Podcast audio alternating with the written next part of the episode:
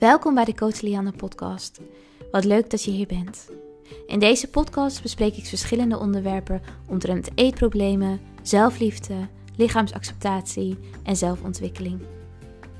Al met al, alles om te zorgen dat jij sterker in je schoenen komt te staan en dat jij vanuit zelfliefde en vanuit de kracht die al in jou zit, gaat leven. Ik wens je heel veel luisterplezier en als je deze podcast leuk vindt, zorg dan dat je je abonneert zodat je geen enkele aflevering van mij mist. Hi en welkom weer bij een nieuwe podcast. Wat leuk dat je luistert. Wat fijn dat je er weer bent. Vandaag ga ik in gesprek met Gwen. Hallo allemaal. Uh, we zitten lekker in Amsterdam in mijn eigen huisje, waar wij ooit zijn begonnen met één op één sessies. Hoe lang is dat geleden? Nou, het was wel grappig, want ik ging toevallig vandaag nog even, mijn filmrol kijken. En toen Mhm. dacht ik, wow, dit was echt, nou ja, ik denk 2018 of zo.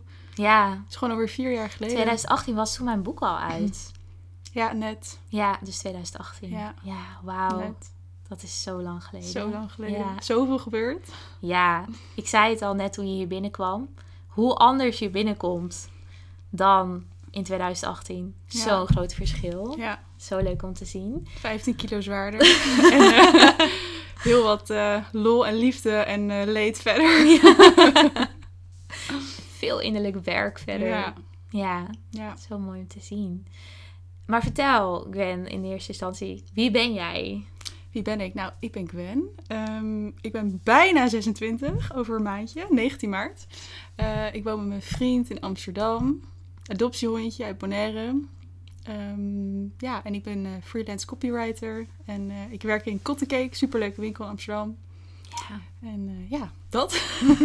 Leuk. Ja. En jij had mij een berichtje gestuurd dat je graag in de, in de podcast wilde komen. Want ik denk dat jouw verhaal heel herkenbaar is voor velen. Ja, Ehm, en jij bent ook een Instagram begonnen trouwens. ja klopt. Mijn Ja. gouden gids. Zo mooi. Want wat, was, wat is jouw doel daarmee eigenlijk? Ehm, nou, ik kom dus eh, zelf uit een burn-out nu. Een echt wel een redelijk zware burn-out. En ik heb altijd gewoon een enorme liefde voor schrijven gehad. En ehm, ja, het ontdekken van wie ik ben en wat ik wil in het leven speelt gewoon zo'n grote rol. En ik heb gewoon een soort van hele diepe roeping.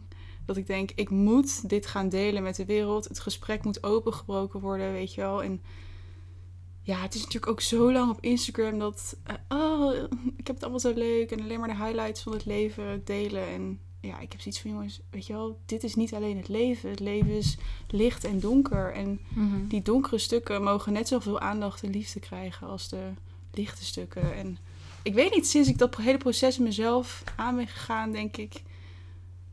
Ik ben echt niet alleen. En ik heb me altijd heel erg alleen gevoeld. Mhm. Ehm, want het is niet voor het eerst dat ik zo, nou ja, burn-out ben geweest. Eh, ik ben wel vaker in mijn leven ontzettend down geweest. Ehm, Mhm. Niet zo erg als de laatste keer, maar dat ik denk, ja, die eenzaamheid die daarbij komt kijken is ook zo groot. Ja. En ik denk dat het zo belangrijk is dat we het platform als Instagram inzetten om ja, elkaar te inspireren en te helpen en te omarmen.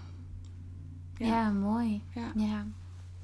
En dat is denk ik waar we heel erg op elkaar lijken. Ja. Ja.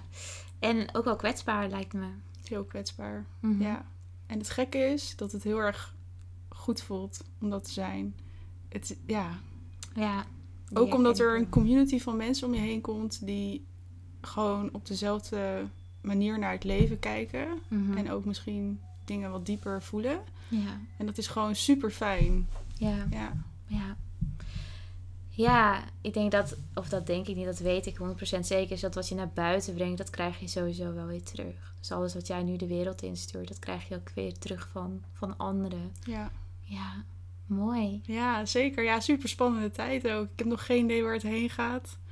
Is het Ehm, iets waar je meer uit wilt halen qua ook werkgerelateerd? Of? Ja, nou, ik ben nu dus copywriter en ik doe ook nog, ook nog andere creative dingen. Mhm. Maar ik zit wel heel erg op een tweespoor van...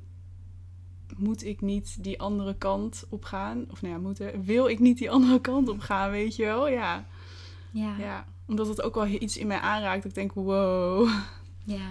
Ja. Ja. Ja, en ook, ik geloof ook altijd dat als je zo diep bent gegaan, als dat wij allebei eigenlijk zijn gegaan natuurlijk, Ja. dan wil je dat zo graag ook voor andere mensen doen. Of je wilt andere mensen laten zien van wow, als jij hier doorheen gaat, wat gaat er voor je open? En de verbinding die je met jezelf kunt voelen, de verbinding die je met andere mensen op een andere manier kunt voelen. Ja. Ehm, er zit zoveel blokkades in deze samenleving, zoveel taboe ook nog steeds. Ja. Ehm, ja, Ik noem het altijd. ik vind dat iedereen aan het slaapwandelen is nog. En ik wil iedereen wakker maken. ja, En de een begrijpt dat en de ander begrijpt het niet. Ik merk het ook om me heen, weet Ja. je.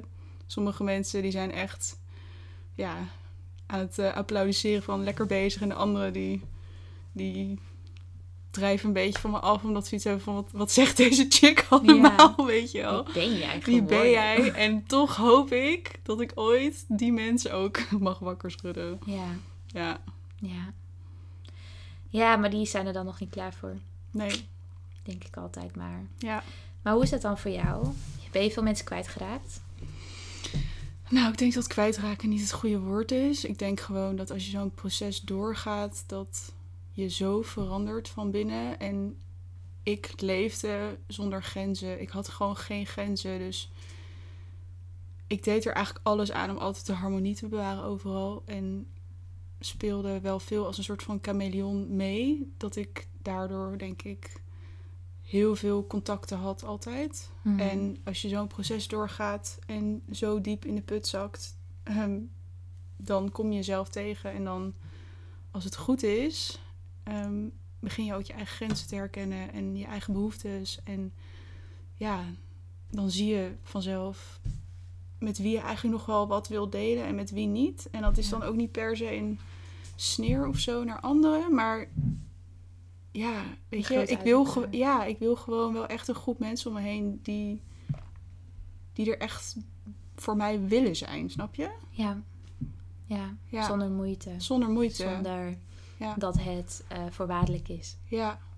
En dat ik ook uit die rol van constant verantwoording mag, moet leggen, kan uitstappen, weet Ja. je wel? Omdat dat gevoel krijg je dus heel snel bij mensen waarvan ik denk, oeh, ik weet niet helemaal hoe ik contact moet maken. Dus dan ga ik heel snel in zo'n rol schieten. Ja, maar dit, ja, maar ik doe het zo, want dit en dit. En ja, je merkt toch bij mensen bij wie dat in één keer klikt, Mhm. dat het gewoon in stilte ook helemaal goed is.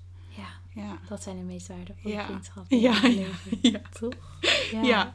absoluut. Ja. Maar ik denk dat heel veel mensen zich wel kunnen vinden in de moeite van grenzen aangeven. Überhaupt ehm, in kunnen zien wat grenzen zijn. Of dat is natuurlijk heel persoonlijk. Wat zijn grenzen voor mij? Ja. Ehm, maar ook de angst om mensen letterlijk los te laten. Of dat mensen hun, I don't know, daarover oordelen. Bijvoorbeeld, hoe was het voor jou? Ja, ik heb dat eh, sowieso altijd wel heel erg gehad. Dat ik ook wel bezig was met wat een ander heel erg van me vond.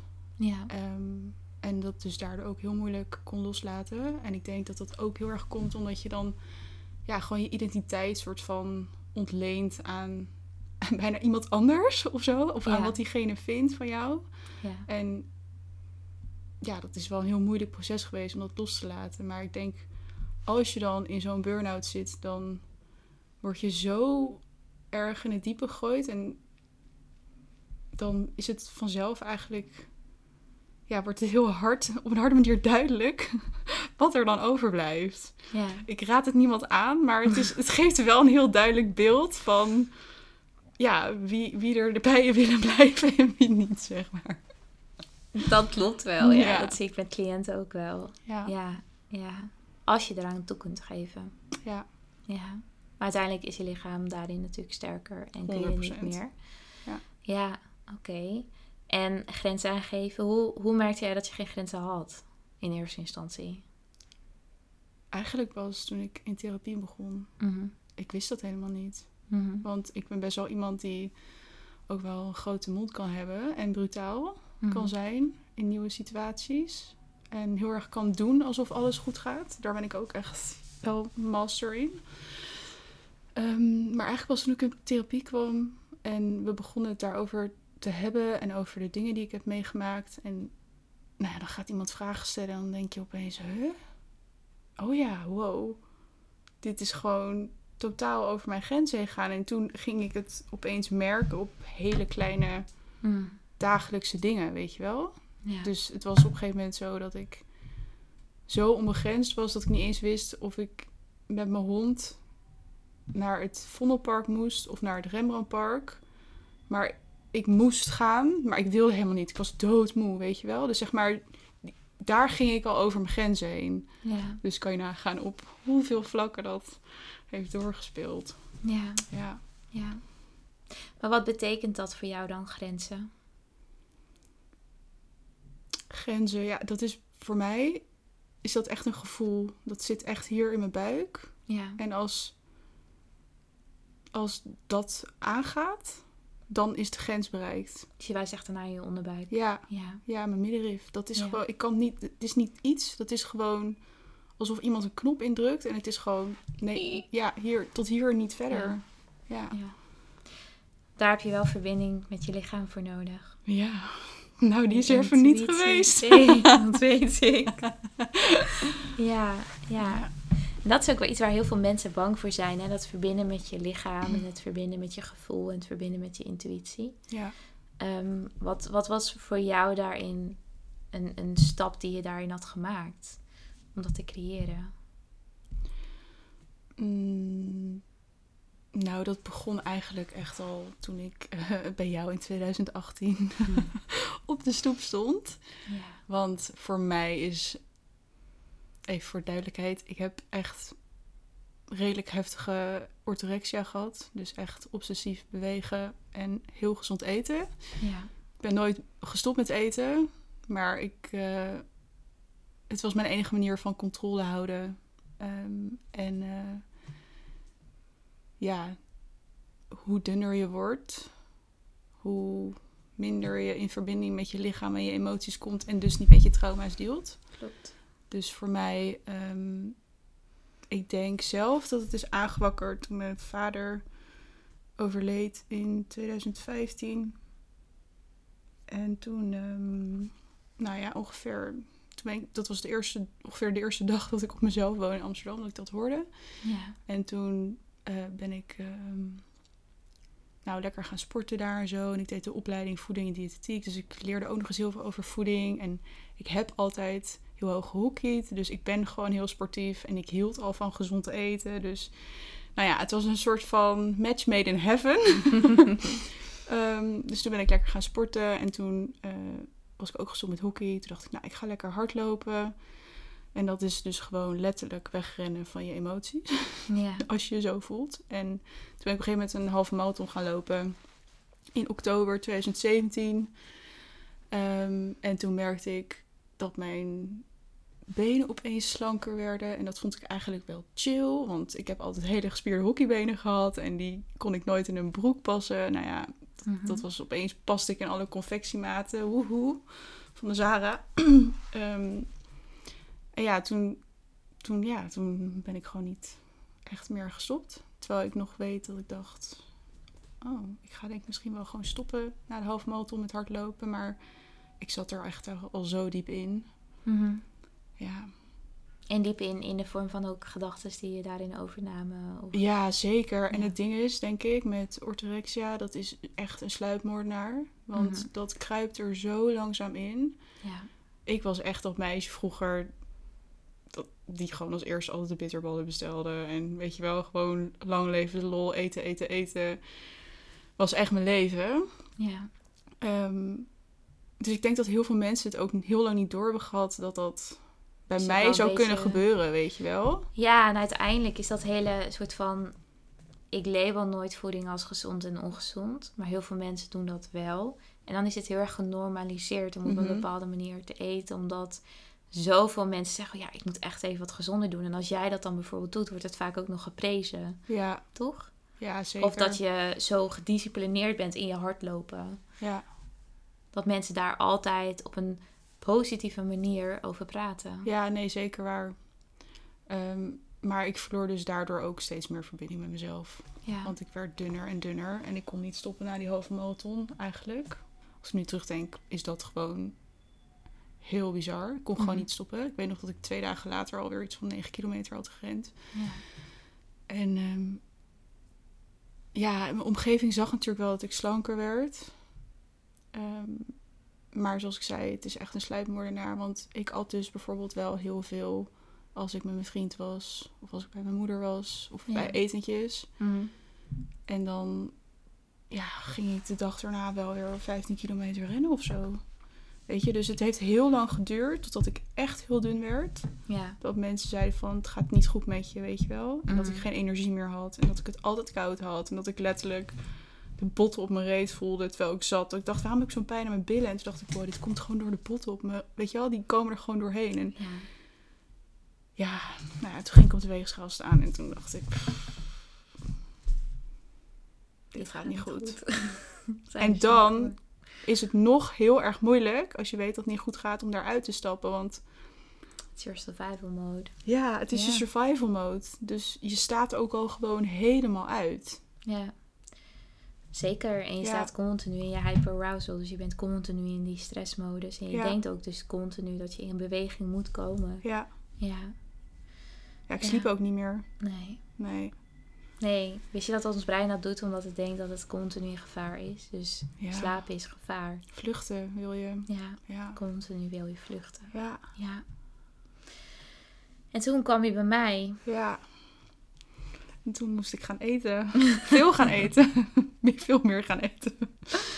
Ja. Ja. Ik kan me nog een eh, gesprek herinneren.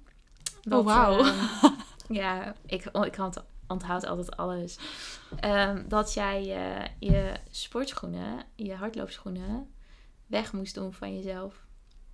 Weet je dat nog? Oh ja, oh, dat was ik helemaal vergeten. Ja. Dat meen je niet. ja, toen oh. woonde je nog met eh huisgenootje. Oh ja, ja. En toen heb je die hardloopschoenen heb je toen verstopt of heb je laten verstoppen? Of je hebt ze weggedaan? Eén Nee, ik heb ze verstopt volgens mij. Ja, ja. Ja. En daar had je toen heel veel moeite mee. Dat kan ik me nog herinneren. Ja. Ja, ja. Ja. Hoe heb je dat eh, proces van het hele van die orthorexia ervaren? Heel bumpy. Ehm, en dat, ja, dat, ja, nee, heel bumpy. Eh, vooral omdat zodra je gaat eten, je ook meer gaat voelen. Ja. Dus er kwam echt van alles los. Mhm. Ehm, en dat is best wel heftig. Eh, en ja, je moet natuurlijk ook gewoon weer andere kleren gaan kopen. En alles gaat even strakker zitten. En je voelt je opgeblazen. En je hebt honger. Terwijl je al meer dan genoeg hebt gegeten voor je gevoel. Maar je hebt nog steeds echt extreme honger. Heb ik ook in zo last van gehad. Joh, ik had gewoon een pizza en dan nog de pizza van moeder. En dan nog vijf boterhammen, weet je wel zo Ja. omdat ik gewoon moest eten. ja. Ehm, ja, het was eigenlijk eh, wat dat betreft wel heel bumpy. Maar ook wel weer heel lekker. Want ik kreeg weer energie. En ik had weer tijd om andere dingen te doen, zeg maar. Om gewoon... Ja, ik heb een jaar of zo niet gesport, denk ik. Ja, je bent toen wel, we zijn toen wel vrij snel mee gestopt ook. Met het hardlopen, volgens mij. Ja, he- meteen. Ja, gelijk. Ja, echt meteen. Ja, Ik heb gewoon eh, de pleister afgetrokken in Ja. één keer. Ja, maar ik kan me ook nog herinneren dat je een soort van opluchting had. Dat, ik, dat we dat toen afspraken. Dat ik echt... ja, Oh my god, ik hoef niet meer. ja. Ja, je was ook echt heel moe. Ik was zo moe. Ja, mentaal en fysiek. Mentaal en fysiek Ja. echt zo moe. Ja. Ja. Echt grappig, ja. Maar je bent er toen wel echt ingedoken. Ja, Je hebt toen wel, je hebt toen echt de hart aangetrokken. En toen merkte je ook dat, ehm, dat er veel vriendschappen aan het veranderen waren. ja, Daar hebben we toen ook veel gesprekken over Ja. gehad. ja. Ja. Toen is dat, ja, eigenlijk is dat hele, die hele periode is gewoon een soort van ook een, een onderdeel geweest van het proces wat ik de afgelopen twee jaar heb gehad. Ja. Ja, Ja. Ja. Bijzonder wel. ja. Maar ook echt super waardevol. Mhm. Ik bedoel, als je op een gegeven moment zeg maar bent geheeld van zo'n zo'n stoornis. Ik vind dat echt een heel heftig woord. Ja. Ja, Ja, ik, heel ik zeg negatief altijd beladen. verstoring. Ja, verstoring, ja, ook goed. Ehm, dat is ook super waardevol. Ja. Wat heb je ervan geleerd eigenlijk?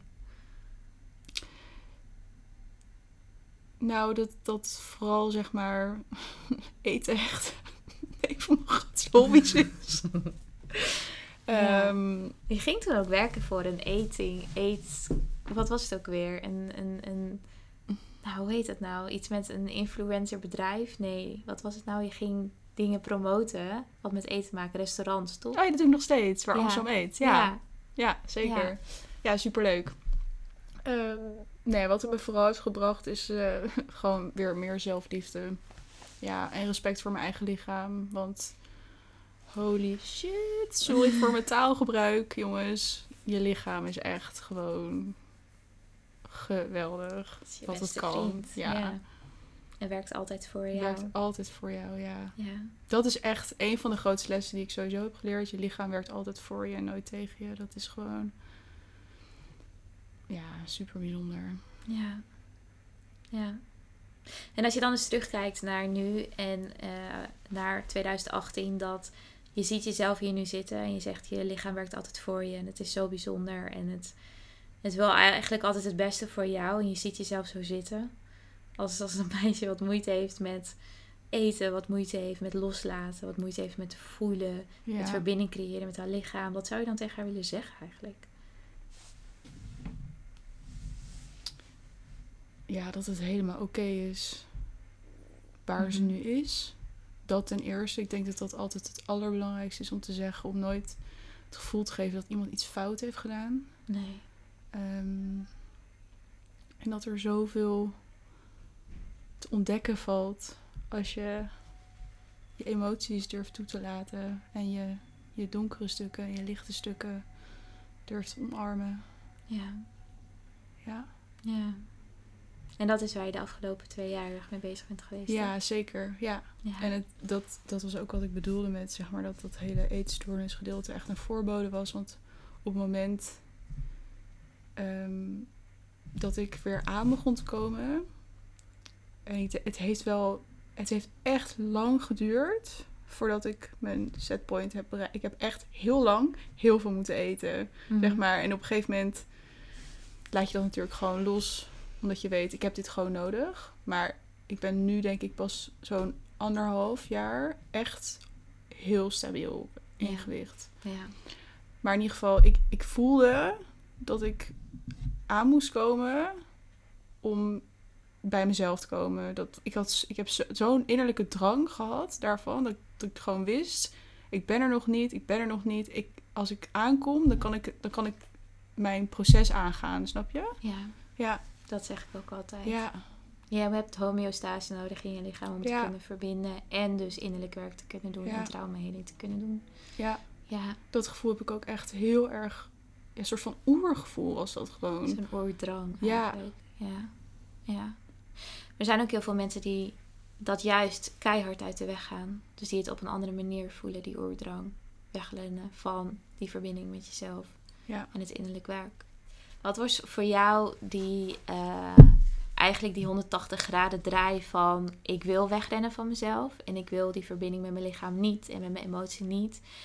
En ehm, ik, ik voel die oordrang dat ik dat wil en ik wil dat innerlijk werk doen, maar ik weet dat ik eerst in homeostase moet komen. Hoe dat voor mij voelde? Ja, zeg maar, wat, is, wat was voor jou die, die, dat omslagpunt? Ja, ik weet nog dat ik gewoon om me heen keek en dacht: de wereld komt gewoon niet binnen. Het komt gewoon niet meer binnen, weet je wel? Zeg maar, ik word gewoon geleefd. Ja, Ik heb zelfs een punt gehad dat ik voor mijn neus een ongeluk zag gebeuren en dat ik dacht: het komt gewoon niet binnen, weet je wel? En die complete ja, waas. en gewoon, je ziet allemaal mensen om je heen echt lol hebben en echt genieten van het leven. En dat zit zo in mij ook. Ja, Die behoefte om lekker te genieten en te leven. en te leven. En dat wilde ik gewoon zo graag terug hebben. Mhm. Ja, Ja, want het is best wel zo'n leeftijd, weet je wel. Je begin twintig, dat, ja, dat is gewoon super lachen allemaal. klopt. Zo hoort het ja, te zijn. Zo hoort het ja. zijn. Ja. En dat had ik gewoon niet. Nee. Nee. Ja. Dus je zei, ik voelde die oerdrang. Ik wilde in homeostase komen, dus ik wilde meer voelen en verbinden. Ja. En toen, hoe ging dat verder voor jou? Eten. Heel veel eten. Ehm, en het ook op een gegeven moment gewoon even naast je neerleggen. Dus ik ben toen, weet ik nog, in mijn eentje op vakantie gegaan naar Italië. Ja, Een maand. Italië. Ja, dan gewoon letterlijk een maand lang alleen maar te eten en te genieten. En ook vooral aan mezelf te kunnen bewijzen van... Jij kan dit en jij kan er ook weer van gaan genieten, weet je wel. Je kan het gewoon loslaten. Ehm, dus dat heb ik een maand gedaan. Ja. Dat was superleuk. En toen ben ik vijf maanden later weer weggegaan Mhm. naar eh, Azië om te backpacken. Ja. Omdat ik dacht, ja, dat is echt iets wat ik nooit zou doen, dus dan ga ik het doen. Ik had gewoon echt een change of scenery ook nodig. Gewoon een totaal andere kant van de wereld leren kennen en in hostels slapen en zo. Nou, als je me dat vijf jaar geleden had gevraagd, had ik het echt nooit gedaan, denk ik. Ehm, dus dat was gewoon superleuk. En weer, ja, gewoon andere dingen doen dan met sporten en eten bezig zijn. Of Ja. mensen om je heen die dan op je letten of je wel genoeg eet of niet sport, weet je wel. Gewoon ik had op een gegeven moment van, jongens, leave me alone, weet je Ja. wel. Ik heb gewoon even space nodig. Ik wil gewoon een beetje de rebel uithangen, weet je wel, Ja. dat gevoel. Ja. Dus ik eigenlijk lekker- even kind zijn. Ja, kind zijn, echt spelen, zeg Ja. maar. Dus dat heb ik toen gewoon gedaan in Azië. Ik ben in Vietnam en de Filipijnen geweest. Dat was superleuk. Heel mooi. En toen kwam ik terug. En toen eh, ben ik met mijn vriend gaan samenwonen. Mhm. En dat was ook al echt, dat gaf zo'n stabiele basis voor mij. ja. Ehm, dan meer dat studenticozen, waar ik gewoon eigenlijk niet zo heel goed mee kon dealen. ja. Omdat ik in zo'n ander proces zat. Ehm, en toen, eh, ja, toen ben ik nog een paar maanden naar beneden gegaan met mijn vriend. En ik heb eigenlijk gewoon heel weinig gedacht aan sporten of eten. En gewoon me totaal even op iets anders gefocust. ja. Dat is eigenlijk wel gewoon, dat was echt het allerleukste ook gewoon. Om gewoon weer de wereld opnieuw te ontdekken. ja. Daar haalde ik zoveel energie uit. En dan ja. was voeding denk ik meer gewoon functioneel ook. Kijk, natuurlijk kan je in Azië vet lekker eten, maar ja, Bijzaak. bijzaak, weet je wel. Ja, hele dag ging daar, draaide daar niet meer omheen. Maar Ja. die angsten waren er ook niet meer. nee. Heb je die wel heel intens gevoeld, die angsten rondom eten? Ja, achteraf. Dit, dit vind ik dus het moeilijke aan dit. Want als ik nu dus terugdenk, dan zijn er zoveel dingen geweest waarvan ik denk... Oh, wow, dit heb ik ook gewoon gehad. Maar als je er Ja. zo diep in zit, heb je het gewoon niet door. Je ziet het niet. Maar ik heb ook echt gehad dat ik gewoon trillend ging, tri- ging trillen omdat ik ging Ja. eten, weet je wel? Ja, Super bizar. ja, Dat ik echt dacht, wat is dit, weet je wel? Werd gewoon heel, alsof je gewoon tien kop koffie had gedronken. ja, Ja. ja. En hoe ben je daar toen doorheen gegaan? Je ging er wel gewoon doorheen, volgens mij. Ja, echt doen. Ja, Ik heb best wel echt gewoon heel veel discipline. ja, dat weet ik. Ja, maar dat kan dus ook de andere kant op gebruikt worden. Ja, Ja, dus ik ben het echt gewoon gaan doen. ja. En het uit gaan spreken naar mensen. Bijvoorbeeld bij mijn vriend zeggen van... Oh, weet je, als ik me onzeker voelde over hoeveel ik had gegeten... dan ging ik het gewoon zeggen. ja. En dan zegt hij toch, doe, doe normaal. Dat moet je toch gewoon lekker doen, heb je nodig. Weet je wel, Ja. gewoon zo. Iemand even rationeel even kon ja, zeggen ja, dat ik, het oké was. ja, Ja. ik heb maandenlang met eh, snacks naast mijn bed gelegen. Ja, Ja, dat zeg ik altijd tegen iedereen Ja, ook. Leg je niks naast je bed. ja echt bizar. Repen s'nachts. Ja. En ook nog naar de keuken, boterhammen. Oh, Echt gewoon die oneindig. nachtelijke honger. Ja. Ik, ja. Dan opeens komt het allemaal naar boven. Ja. Ja, ja dus iedereen die dit heeft, eet. Ja, ja, ja, echt doe. Ga niet uit de weg. Binder. Ja. Ja. en op een gegeven moment dacht ik ook gewoon, weet je wat, ik ga hier gewoon de lol van inzien. Want ik ben hier nu en er Mhm. komt waarschijnlijk niet meer een fase in mijn leven dat ik zoveel de hele tijd weg kan krijgen, letterlijk. Dat Ja. het past in je lichaam. Dus ja, ik ga er maar gewoon weer van genieten dan, weet je wel. Ja. En het allerlaatste staartje is denk denk ik, gekomen toen ik ook heb gezegd dat ik gewoon helemaal geen bepaald voedingspatroon meer volg. Ja. Dat is eigenlijk toen ik naar Bonaire ging. Toen ik in Azië was, heb ik wel nog vegetarisch gegeten. Helemaal. Omdat ik het daar gewoon niet... Daar vond ik het niet hygiënisch. Ik bedoel, dat vlees ligt letterlijk op straat. Ja. En ik had er ook niet zo heel erg behoefte aan. Maar toen ik naar Bonaire ging... Nou ja, daar komt af en toe een vrachtschip met eten. En dan... Nou ja, ik was daar met Jeroen. Ik dacht echt, ja, hoe cares, weet je wel. Ik ga Mhm. gewoon echt alles eten. Weet je wel, want ieder klein regeltje is toch weer een trigger om... Ja, Tuurlijk, ja. Ik zeg weer- ook, je kan niet je relatie helen als je ergens restrictie op hebt. Nee, Wat dan ook. nee. Dus dat was echt het allerlaatste stukje. Dat Ja. ik dat helemaal los ben gaan laten. Mhm. Ehm, dat ik daar helemaal vrij van kwam. Ja. Mhm. Ja. En nu zie ik na een burn-out wel echt in wat een enorm copingmechanisme dat is geweest Ja. om niet te dealen.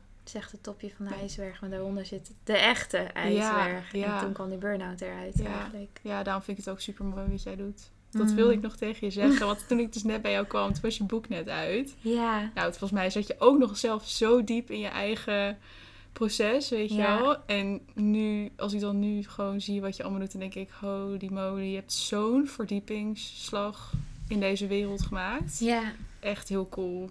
Ik denk echt dat zoveel mensen op deze manier, ja, mensen met eetstoornissen zouden moeten gaan behandelen om veel meer naar trauma te kijken. Ja, daar gaat het over. Ja, daar Ja. gaat het over. Je zegt het zelf al, en dat is ook altijd de eerste stap. Ik ben gaan eten en ik ben mijn lichaam gaan helen.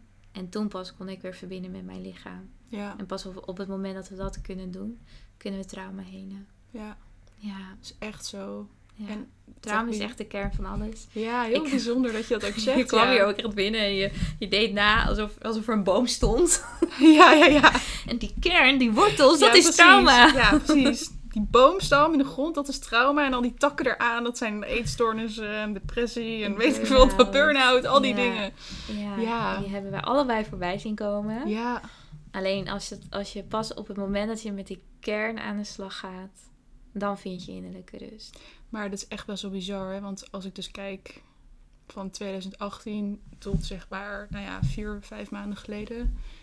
Hoe, dat het dus best wel lang heeft geduurd. En dat zo'n proces dus ook niet altijd achter elkaar komt. Dus Nee, zeker niet. Maar je hebt ruimte nodig Ja. om te implementeren. ja, Je hebt ruimte nodig, voornamelijk ook in eerste instantie het hele van een eetstoornis heeft gewoon tijd en ruimte nodig. En je lichaam gaat door zoveel heen.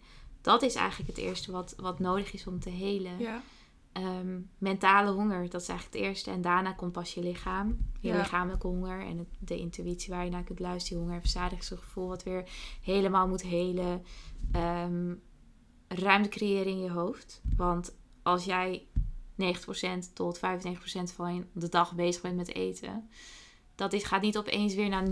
Dat heeft tijd nodig. Dus dat, het vlakt continu een beetje af. ja. Nou, dat heeft tijd nodig. En daarna kom je pas in de diepere laag. Maar eigenlijk is dat best wel bizar, hè? Want als je het zo bekijkt, is het dus helemaal niet gek dat ik dus in een burn-out ben beland. Nee, Omdat er letterlijk ruimte was. zeker. Ja, Om te dealen. heb ik me nooit echt Een zo erg burn-out is beseft. eigenlijk een, Ja. een, een reactie van je fysieke lichaam ehm, dat het aandacht nodig heeft. En ehm, dat het ontlading nodig heeft. En dat er te veel emotie en te veel gevoel is opgeslagen in je lichaam, waardoor het gewoon compleet stagneert. Dus het is letterlijk je zenuwstelsel shuts the fuck down. Ja. Die zegt tot hier en niet verder. Ik kan niet meer. I've tried. Ik heb je signalen gegeven. Als jij niet luistert, dan ben ik even degene die controle neemt. Dus het is een hele natuurlijke reactie op onderdrukken van ontzettend veel gevoel, ontzettend veel emotie en heel veel pijn. ja. Maar, En heel veel letterlijk ehm, jezelf te buiten gaan. ja. Van hè, alleen maar met externe dingen bezig zijn, maar niet met je interne wereld. Niet in verbinding staan met jezelf. ja, nee, echt mooi, inderdaad. Hoe, dat, hoe je dat zo...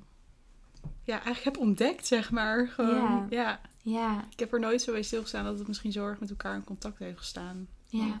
Ja, zeker. Ja. Heel, ja. Wat grappig is, ik weet niet of jij dat weet, ik weet niet of de mensen die het luisteren dat weten, want ik heb ook een burn-out gehad na mijn eetstoornis. ehm, Echt? ja, Ik heb dit dus nog nooit van iemand gehoord, echt maar? Nee, het Ja. it makes so much sense nu. 100 procent. Ja. Ja. het was ook mijn manier om om te gaan met zoveel trauma. En ik, ik had een intense bewijsdrang, denk ik, ehm, naar... Ik ging toen wonen in Amsterdam. Dus ik woonde voor het eerst op mezelf toen ik 20 jaar was. Ehm, mijn moeder was net klaar met behandelingen van kanker. En ik denk, ja, weet je, de groeten, ik ga voor mezelf kiezen. Dus ik voelde me heel sterk, maar ik merkte wel dat werken en, en, en ehm, iets opbouwen voor mezelf echt een grote obsessie werd. Om ook weer mezelf uit de weg te gaan en dingen te onderdrukken. Dus ja, dat was voor mij. Ik, ik kan me nog herinneren, dat was 2015, 2016 denk ik. Dat ik ook gewoon thuis kwam te zitten. Ik werkte toen bij een bedrijf en dat ging daar helemaal niet goed. En ik kon het gewoon allemaal niet meer handelen. Ik kon het allemaal niet meer aan. En mijn lichaam die zei ook van, yo, chill down, chill the fuck down. En toen heb ik ook een paar maanden echt thuis gezeten. Ehm, heel veel gemediteerd. Ehm, Nou, heel ik vind het veel- dat je dat nog kon. Ik kon dat niet hoor. ja, nou, ik heb toen heel snel wel op de rem getrapt. Dus ik ben Ja. niet helemaal, helemaal teruggegaan in, in hoe ik me in die eetstoornis en depressie heb gevoeld. Maar ik, ik voelde die signalen wel. Dus dat was ook heel mooi natuurlijk. Dat ik wel dacht, oké, dit gaat niet goed. Dus ik ga nu mijn grens aangeven. Ik ga nu thuis blijven. Ik ga in de ziektewet. En Mhm. ik, ik ga nooit meer terug naar mijn werk. Dat wist ik al. Maar ik dacht, ik ga gewoon in de ziektewet en ik zie het wel. Ehm, en toen, ehm, ja, toen, toen kon ik wel gelijk alles on hold zetten. Ja. Ja. Dus ja, ik heb daar, ik, ik ken dat wel. En dat, het is gewoon allemaal. Kijk, ik vind burn-out krijgen mensen heel snel opgeplakt. En ik zie het gewoon als, ja, weet je, je bent gewoon over je grenzen heen gegaan. En Ja, je absoluut. bent ehm, heel veel trauma uit de weg gegaan. En je bent heel veel emotie en gevoel uit de weg gegaan. Dus laten we maar eens gaan ontladen. Ja.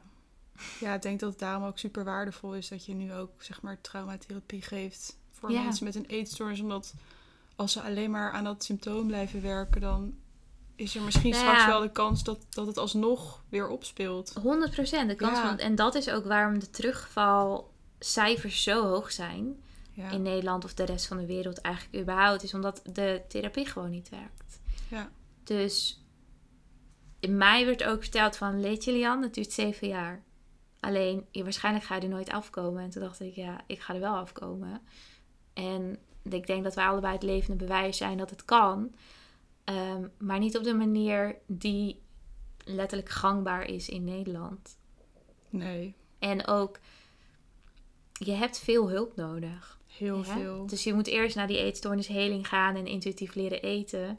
En dan is het tijd om naar binnen te werken en traumawerk te doen. Ja, Dus dat heeft tijd nodig en gewoon veel begeleiding ja. En ruimte. en ruimte. Ja, Ja, want als je dat niet Aandacht. hebt, dan ga je er gewoon, dan ga je er gewoon niet komen. nee, Je moet ook echt die ruimte voor jezelf willen maken. ja, ja. En dingen op onhul, onhuld. Onhold. Wauw. Onhold zetten. Onhuld. On hold durven zetten. Ja. Ehm, en jezelf belangrijk vinden en het jezelf gunnen. Ja, dat is sowieso het allerbelangrijkste. Je moet jezelf Ja. op één zetten. Ik kan ook, ook nog wel herinneren dat heel veel cliënten het eng vinden om hun leven even on hold te zetten. Dat is hoe ze dat dan zien. En wat ik dan vaak zeg is dat Ja, ja, je zet je leven niet on hold. Want je gaat eindelijk weer leven eigenlijk door dit werk te doen. Dit is je levenswerk. Je bent hier niet op, het, op de wereld in mijn beleving om je werk uit te voeren van wat je nu doet extern. Maar je bent op deze wereld om je werk intern te doen. Dus je interne werk te doen. Dat is hoe je groeit. En dat is in mijn beleving hoe je leeft. Ik weet niet hoe jij dat ziet, maar ja 100%. Maar weet je, hoe moeilijk is dat? Kijk naar onze samenleving. I know, ja, kijk naar onze maatschappij. Ik weet het. Ik heb het gevoel dat ik af en toe in het talies zit. ja. Permanent. Ja. Amsterdam is nog wel een tikje erger, denk ik, dan de Ja. rest van Nederland. Maar dat Ja. klopt wel. Ja. Ja. Ja. hier al helemaal. Druk ligt hier wel heel hoog. Ja. Zowel uiterlijk gezien, extern gezien. Ja. Ja, oh, dat, heb ik, dat zijn nog wel eh, dingen waar ik redelijk lang ook last van heb gehad hoor. Want je hebt zoveel van die sportstudio's hier. Mm, Ehm, en dan ja. zie ik weer echt hyperdunne meisjes. Drie lessen achter elkaar volgen ergens. En ja, weet je, iedereen eh, wil in maatje 34 passen. En eh, Het is hier nog best wel erg. Klopt. het is hier echt heel erg. Ja. Ja. Dat is heel pijnlijk om te zien, inderdaad. En iedereen Ja. trekt elkaar ook redelijk door je mee. Ja. Klopt. Het is gewoon bijna, weet je wel, dan hoor ik mensen praten alsof het soort van cool is of zo. Dat ze dan niet eh, honger hebben 's ochtends of zo. Dat ik Ja. denk, dit is echt niet normaal hoor. Jouw systeem is gewoon... Oh mijn god, de wedstrijd. Oh, ik heb nog niet gegeten vandaag. Die Ja. opmerking. Ik denk, oh Ja. my god, alsof, je, als, alsof het een achievement is. Ja, ja, Wat de fuck, Ja. ja. dat kan ik ook niet aan. En ik vind dat zelf dus ook best wel triggering. Ja, Dat soort dingen. ja. echt die dieetcultuur dingen. Ja, daar kan ik echt eh, ja, misselijk van worden. Mhm. Maar is het dan nog betrekking op jezelf of met betrekking van, oh meisje, kom even hier, want dit gaat Ja. echt niet goed. Ja, nee, ik heb ook wel eens iemand aangesproken Mhm. die ik eh, elke keer bij hetzelfde lesje zag Mhm. waar ik dan was. Mhm. En die zo dun was. Ik zei van echt gewoon liefdevol. Mhm. Van hey, weet je wel, gaat het wel goed met je? Eh, weet je wel, ik heb ook gestruggeld. Eh, toen heb ik trouwens nog jouw nummer gegeven. Oh. maar ik denk niet dat ze er ooit is geweest, want eh, volgens Ja. mij gaat het nog steeds niet heel goed met diegene. Ja, dat. eh, Het is zo zonde dat het eh, zo genormaliseerd is in deze samenleving. En dat. Ik vind altijd wel, want er zijn heel veel mensen die zeggen van. ehm, het begint gewoon met dieet en een eetstoornis is niet altijd uit trauma. Ik geloof wel dat er is een reden waarom je begint met het veranderen van je lichaam. En het willen veranderen van je lichaam. En het controle willen houden op eten. Ja. Het is rooted uit die trauma. En het wordt een obsessie doordat je gaat diëten. Ja. Ja, absoluut. Ja, ja. Ja, ik, ehm, ik moet heel eerlijk zijn, ik, ik zeg er vaak nooit iets van. Ehm, hoe graag ik het soms ook wil doen, maar ik denk, ja, ik weet zelf nog, ik kan mezelf nog heel erg herinneren dat er heel veel mensen waren die mij, naar mij toe kwamen in de gym. Maar het werkte gewoon niet. Het hielp bij mij echt niet. Ik kon er gewoon echt niet voor openstaan in die periode. Dus mensen tegen mij zeiden, ja, Leon, het gaat echt niet goed met je Ja. ik, ik kan me nog echt herinneren dat ik dat ja dat ging gewoon bij mij echt voorbij als ik denk ja het zal wel Ja. Nee, ik heb ook wel eh, huisgenootje die tegen me zei van... Vind je wel echt heel dun geworden? En ik zat toen zelf nog, denk ik, in een soort van... Achteraf gezien overtuiging van... Ja, misschien verandert mijn lichaam ook wel of zo. Maar Mhm. achteraf gezien dacht ik echt... Nee, ik was ook wel gewoon echt al... zelfsabotage eigenlijk hè? Ja, precies. Ja. En ehm, ik denk dat ik heel veel mensen heel lang voor de gek heb gehouden ook. voornamelijk jezelf waarschijnlijk Nee, maar ook in mijn omgeving van... Nee, ja, dat is gewoon mijn lichaam verandert gewoon. En ik had natuurlijk, waar iedereen bij was, gewoon wel heel veel. Dus ja, weet je, hoe, hoe ga je dan ook in godsnaam daar doorheen prikken? Zeker Ja. als je altijd het meisje was die als eerste de bitterbal bestelde, zeg Ja. maar. Dan ja, ja ja, ja ik zou het ja maar mensen veranderen toch ja, precies. Ja. Ja, ik zie het nog steeds om me heen gebeuren. Zelfs op deze leeftijd ik denk... Sorry, maar jij kan gewoon niet opeens er zo... Opeens na twee maanden, drie maanden er zo uitzien. nee. Weet je wel? Maar ja, wie ben ik om daarover te oordelen? Of je bedoelt zeg maar op een gezonde manier eh, Ja. met jezelf bezig en Ja. dan ja Onmogelijk. ja Maar bij mijzelf waren een paar vriendinnen die echt aan de bel hebben getrokken. En volgens mij ook mijn moeder toen hebben gebeld van... Het gaat niet goed met haar. Mhm. ja En toen stond ik bij jou op de stoep. Ja. ja. Ja. ja. En hoe zit je nu hier? Heel anders. Er schijnt echt hele mooie zon in mijn ogen. Ja, je ziet er beeldig uit. Jammer dat jullie het niet kunnen zien, maar... eh, Heerlijk dit. Ja. Oh, dat is wat ik wilde vandaag. Ja, we hebben nog geen eh, daglicht gezien vandaag allebei. Dus, allebei dat, dus dat is ook mooi meegenomen nog even. Oh, de valreep. Ja, echt. hè. Hij gaat onder. En, Ja. Ehm, maar wat, wat is in jouw beleving het grootste verschil? ja, ik heb denk ik voor het eerst gewoon echt liefde voor mezelf. En voor Mm. mijn lichaam en voor mijn grenzen. Ehm, En het gevoel dat zeg maar de wereld met me meewerkt in plaats van tegen me werkt. Ja, Dat gevoel is wel echt heel bevrijdend ook. mooi. Ja. Ja. Ja. En, en stel nou iemand struggelt met een burn-out. Wat zou je dan tegen diegene willen zeggen? Eh, nou, ten eerste dat als je het gevoel hebt dat je burn-out bent, dan ben je het waarschijnlijk. Want Ja. een burn-out heeft, zeg ik altijd, duizend gezichten. Zeg Mhm. maar, er is niet één burn-out. Natuurlijk zijn er overkoepelende klachten, denk ik. Zoals benauwdheid en eh somber en lusteloos en doodmoe en noem maar op. Maar ik denk wel dat het voor iedereen op een andere manier kan uiten. Zeker. Dus neem het serieus als je klachten hebt. Echt. Weet je wel, en laat niet eh, ja, je door anderen vertellen dat het misschien toch anders is. Want dit is echt. Als het echt is, dan ja. Ga alsjeblieft naar iemand toe waar je je veilig bij voelt. Om dit verhaal te delen. Ja. Ja, het begint wel echt bij jezelf serieus nemen. ja, en erkennen. En erkennen. Ja. En de tijd ook nemen. de tijd nemen. Ja, en hoe, ik weet hoe moeilijk dat is, want ik had dan het geluk dat ik echt de meest geweldige werkgever had die me daar alle ruimte voor kon bieden. Mhm. Ehm, maar dat is natuurlijk niet voor iedereen zo misschien. Maar ja, toch, weet je, je snijdt jezelf alleen maar de vingers als je het niet doet. Nee. Dus inderdaad, erken het en, eh, en zoek iemand op waar je veilig bij voelt. Het hoeft niet eens meteen een therapeut of zo te zijn, maar gewoon iemand waarbij je je verhaal kan doen waarvan je weet dat diegene jou ook serieus neemt. Ja. Ehm, en dan misschien desnoods samen gaan zoeken naar wat past. Weet je, het is ook. Ik heb dan psychotherapie gehad, maar misschien werkt dat voor een ander helemaal niet. Weet je, Ja. ja. er zijn zoveel mooie soorten therapieën, ook alternatieve therapieën die kunnen helpen. En ja, bij ieder proces kan weer een ander, andere therapie horen. Dat is gewoon zo. ja, Ja, zeker.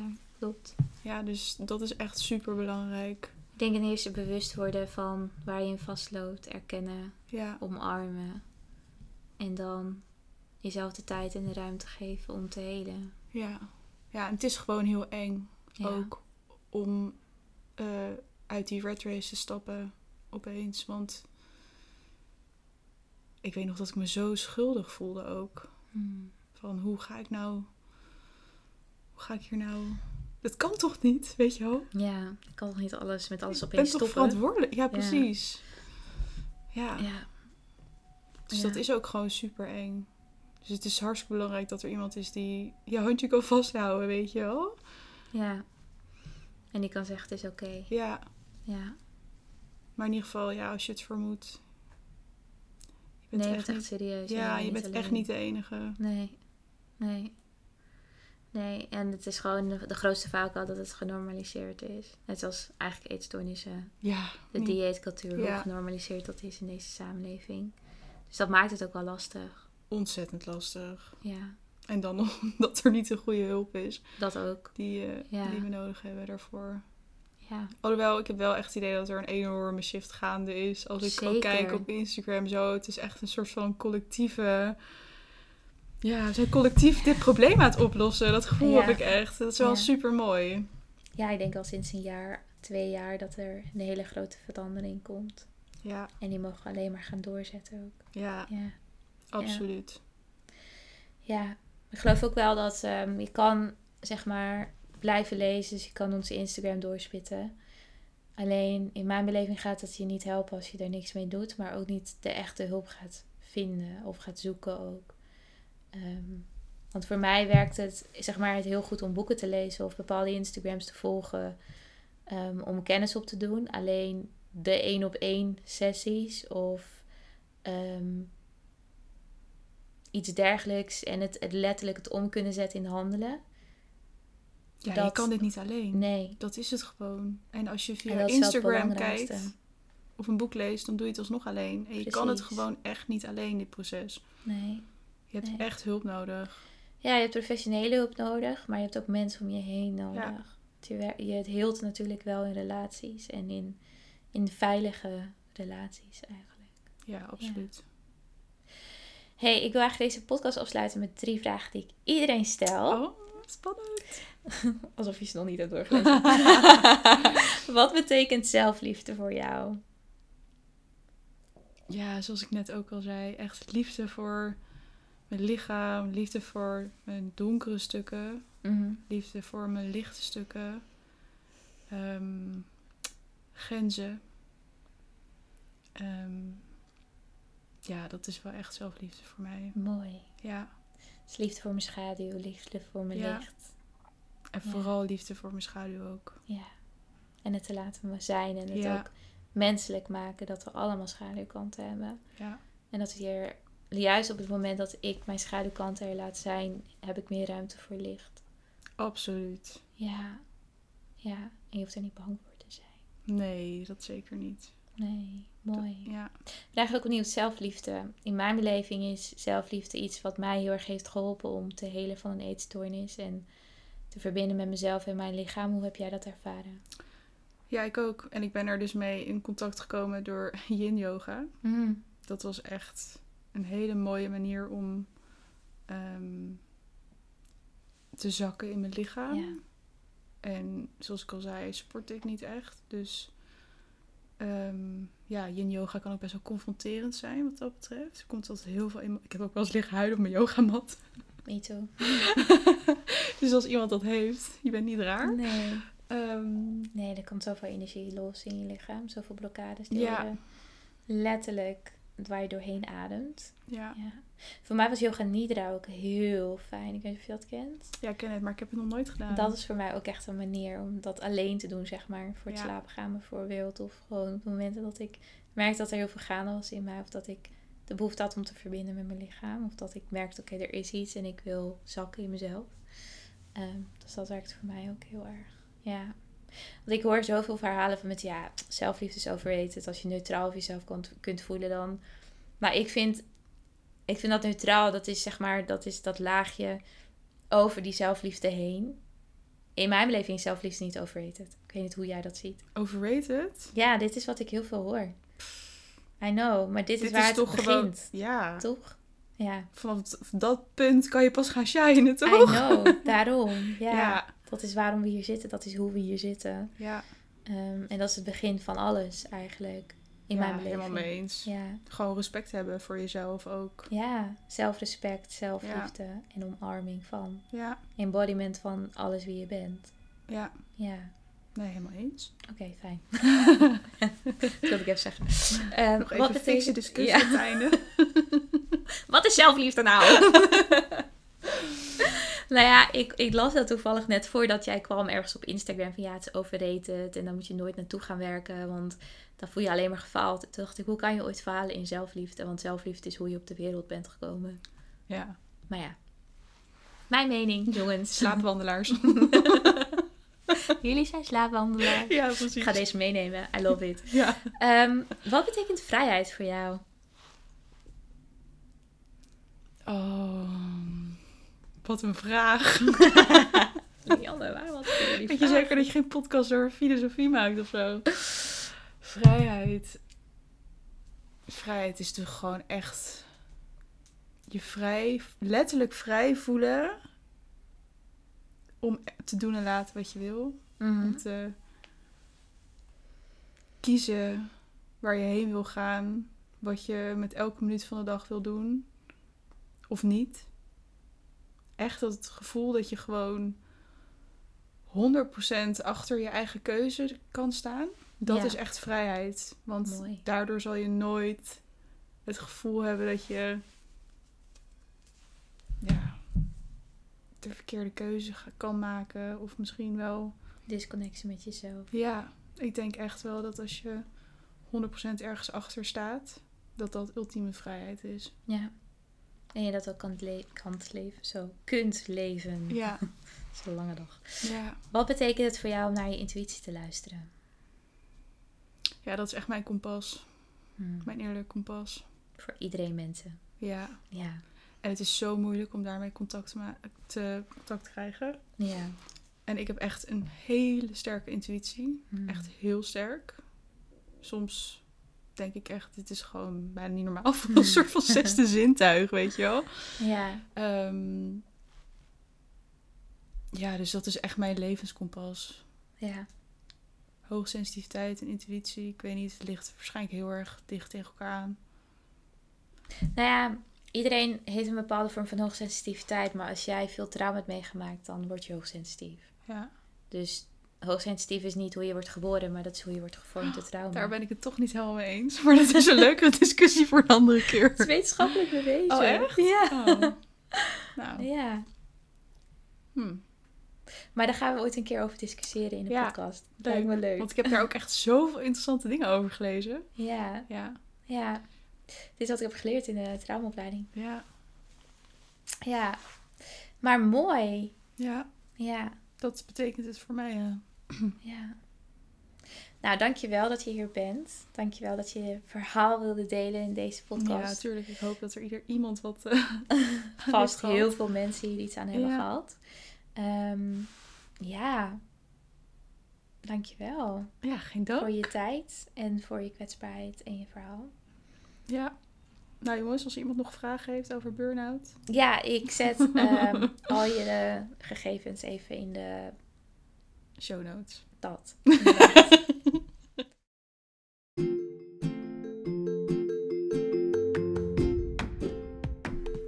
Ik wil je nogmaals bedanken voor het luisteren naar deze podcast. Mocht je nou fan zijn van deze podcast en dit willen delen met je vrienden, zou ik dat super fijn vinden door dit te doen op social media, zodat we nog meer awareness kunnen creëren rondom een verstoorde relatie tot voeding, sporten en je lichaamsbeeld. Hoe meer, hoe beter. Daarnaast, mocht je interesse hebben in mijn boek, de online cursus of één op één coaching, ga dan even naar www.coachlianne.nl voor meer informatie. En daar kun je ook het contactformulier invullen en dan kom ik zo snel mogelijk bij je terug.